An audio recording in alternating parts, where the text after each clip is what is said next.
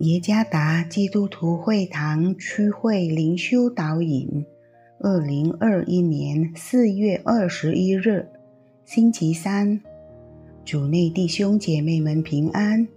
今天的灵修导引，我们要借着圣经提摩太前书第六章第七到十一节来思想今天的主题：贪财。作者于来发传道。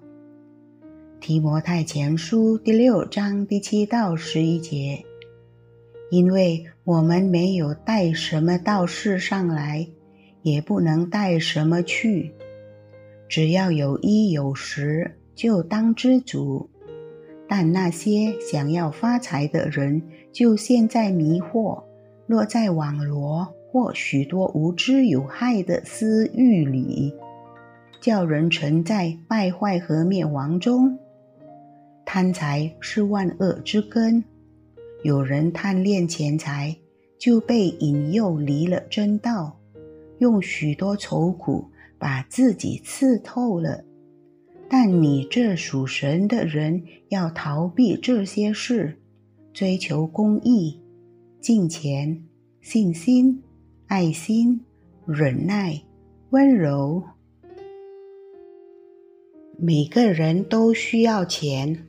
钱用来满足食物、衣服和住所的需要，钱少了，购买食物也困难，以至于肚子饿；钱多了，会使我们忘记其他人的饮食不足。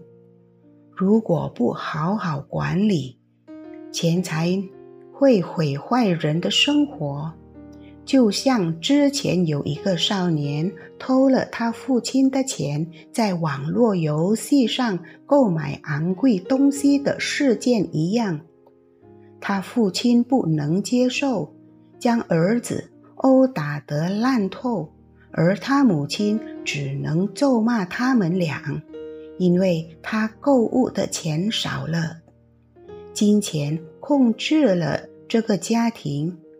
上帝的道嘱咐了贪财的危险性，但那些想要发财的人就陷在迷惑、落在网罗和许多无知有害的私欲里，叫人沉在败坏和灭亡中。贪财是万恶之根，有人贪恋钱财，就被引诱离了真道。用许多愁苦把自己刺透了。第九到第十节，这节经文的语境是保罗劝告提摩太要注意那些虚假的教导。他们教导说，跟随耶稣的人将获得财富，结果一些会友因没有致富而感到失望。保罗。称他们为离了真道，以其敦促致富。上帝的话语教导，无论在什么情况都可以知足，只要有衣有食，就当知足。第八节，只要在所有情况下都忠于上帝的道和知足，上帝的子民将免受偏离的引诱和愁苦的影响。第十节，他们对上帝的信心仍然坚定不移。工作赚钱是一件好事，但是不要贪财。贪财的人将会不择手段地聚敛财富，贪污、欺诈、挪用公款、抢劫，导致谋杀。这一切都是因为贪财而发生的。若我们爱上帝，必须以原则和正确的方式来赚钱。上帝从不应许他的儿女们成为富有，但上帝会在万事上足够我们的需要。参看希伯来书十三章第五节。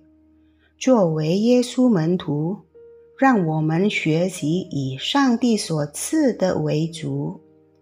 在生活中，上帝的恩典够我们用，学会以自己所有的为足吧，这样我们就可以避免贪婪。主耶稣赐福。